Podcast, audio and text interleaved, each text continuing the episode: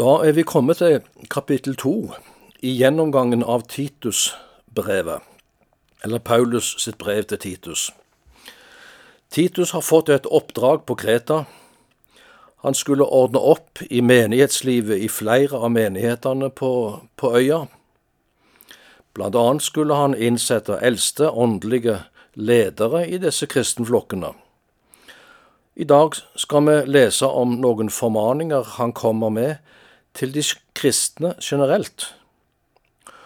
Og så har han noe viktig å si om at nåden oppdrar til et hellig liv. Vi leser først de ti første versene i kapittel to.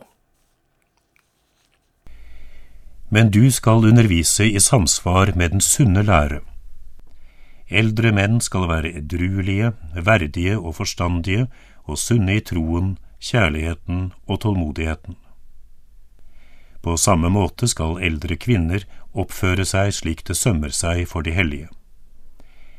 De skal ikke fare med sladder eller være avhengig av mye vin, men være gode eksempler, så de kan lære de unge kvinnene å elske mann og barn, leve forstandig og rent, ta ansvar for hjemmet og underordne seg sine menn, slik at Guds ord ikke blir spottet.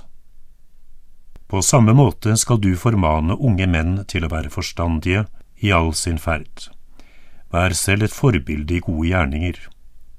La undervisningen din være uforfalsket og båret fram med alvor, og la forkynnelsen din være sunn og uangripelig, så enhver motstander blir til skamme fordi han ikke har noe vondt å si om oss.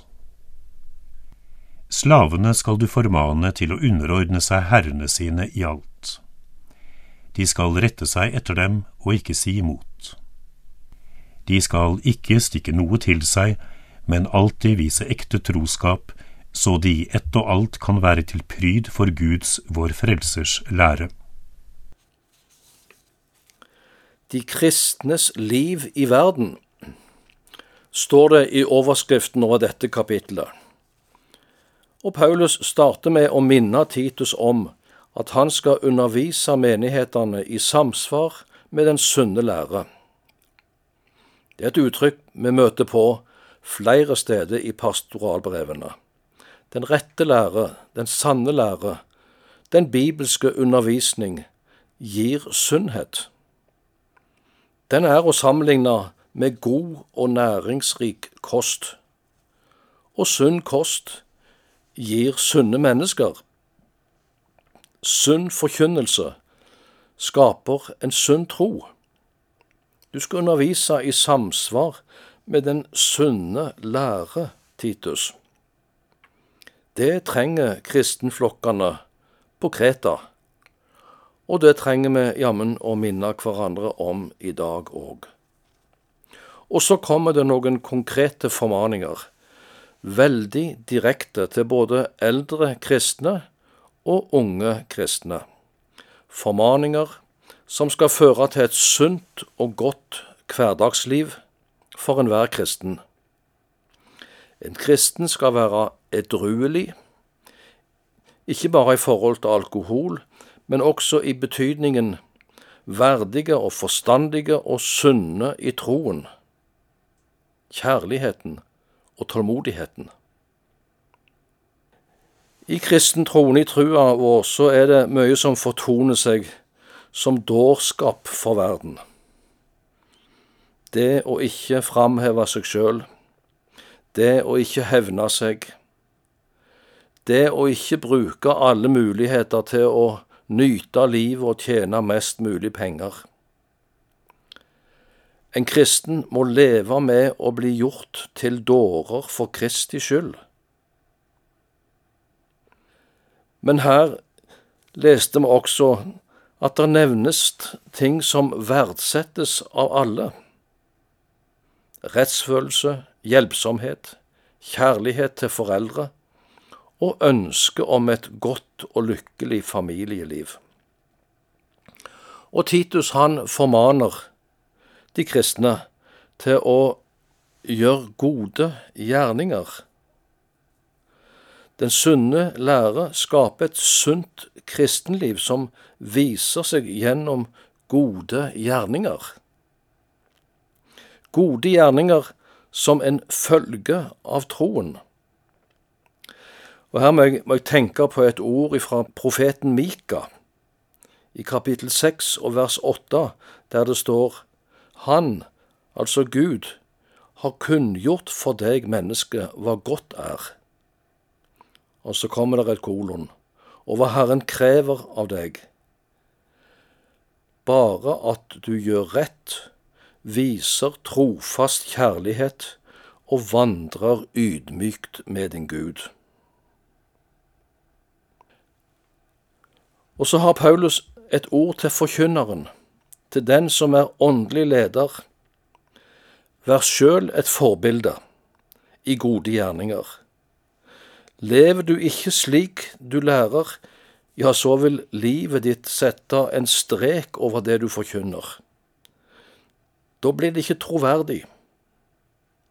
La forkynnelsen din være sunn og uangripelig, og lev slik at livet ditt understreker det du forkynner og det du lærer. Ja, det gjelder en leder, det gjelder en forkynner, men det gjelder i grunnen enhver kristen. Men her understrekes det da spesielt for de som er forkynnere, og som har et åndelig lederansvar.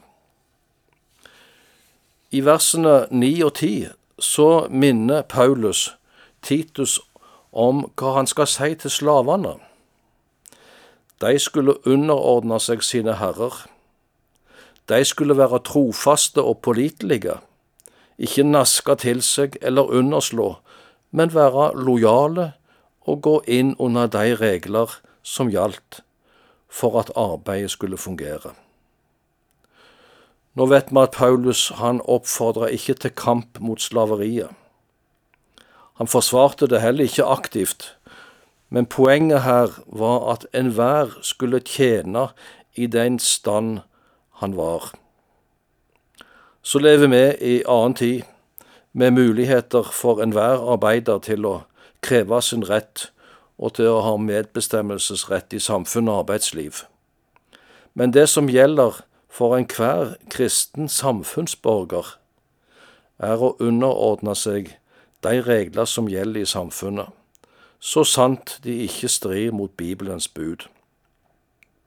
En kan nemlig komme i situasjoner som kristen der det blir en samvittighetssak, og en må si at dette kan jeg ikke godta, eller være med på som kristen. Det skal vi se litt mer på i, i kapittel tre uh, i, i brevet til Titus. Avsnittet vi nettopp har lest, det avsluttes med at en kristen i ett og alt skal være til pryd for Guds og Frelsers lære. Det skal være målet for enhver kristen å ære Gud ved det liv vi lever i denne verden. Vi skal vise hva Jesus betyr for oss under alle livets forhold.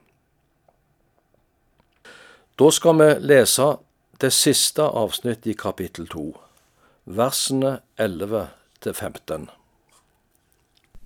For Guds nåde er det blitt åpenbart til frelse for alle mennesker. Den oppdrar oss til å si nei til et ugudelig liv og verdslige lyster, og leve forstandig, rettskaffent og gudfryktig i den verden som nå er, mens vi venter på vårt salige håp, at vår store Gud og Frelser Kristus Jesus skal komme i herlighet. For Kristus ga seg selv for oss for å løse oss ut fra all urett og rense oss så vi kan være Hans eget folk, som med iver gjør gode gjerninger. Dette skal du forkynne, og med myndighet skal du formane og vise til rette. La ingen se ned på deg. Dette avsnittet sier noe viktig om evangeliets virkning i en kristens liv, nemlig at nåden opptukter eller oppdrar til et hellig liv. Vi er nok ikke vant til å tenke sånn om nåden. Nåden gis som en gave. Uforskyldt. Krever ingenting. Det er loven som opptukter, som krever av oss. Men det som sies her, står ikke i motsetning til den frie nåde. Her sies det at nåden, den har en oppdragende virkning i en kristens liv. Det er Guds nåde og kraft som virker gode gjerninger i en kristens liv. Av troen på Jesus så kommer det gode gjerninger, slik det kommer frukt, god frukt av et friskt og sunt tre. Vers 11 starter med å si at nåden er åpenbart til frelse for alle mennesker.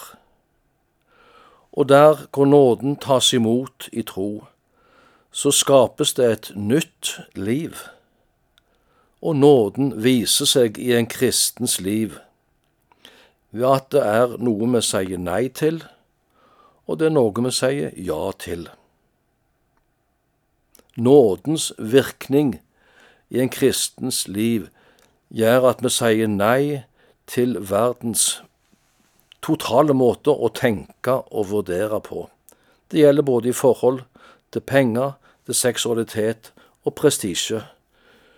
Og nåden oppdrar også en kristen til å si ja til å leve forstandig, rettskaffent og gudfryktig i den verden som nå er. Så har en kristen et perspektiv, eller et mål for livet her på jord. Vi venter på vårt salige håp, som uttrykkes slik at vår store Gud og Frelser, Kristus Jesus, skal komme i herlighet. Det perspektivet, med pilegrimer, som kristne fremmede i denne verden på vei mot himmelen. Vi er hans eget folk, Guds folk, et annerledes folk, et folk som med iver gjør gode gjerninger, fordi vi har fått ta imot Guds frelse, Hans nåde, som er en kraft i våre liv til å bære frukt og til å tjene våre medmennesker med gode gjerninger. Dette skal du forkynne og undervise om i menighetene på Kreta, sier Paulus til Titus. Dette er den sunne lære, som skal gi sunne og gode hverdagsliv for de kristne den gang og dette skal forkynnes i dag i våre forsamlinger og fellesskap, slik at det skaper sunn tro og sunne menigheter som ærer Gud gjennom gode gjerninger eh, mot de som vi lever sammen med. Her stanser vi for i dag. Gud velsigne din hverdag.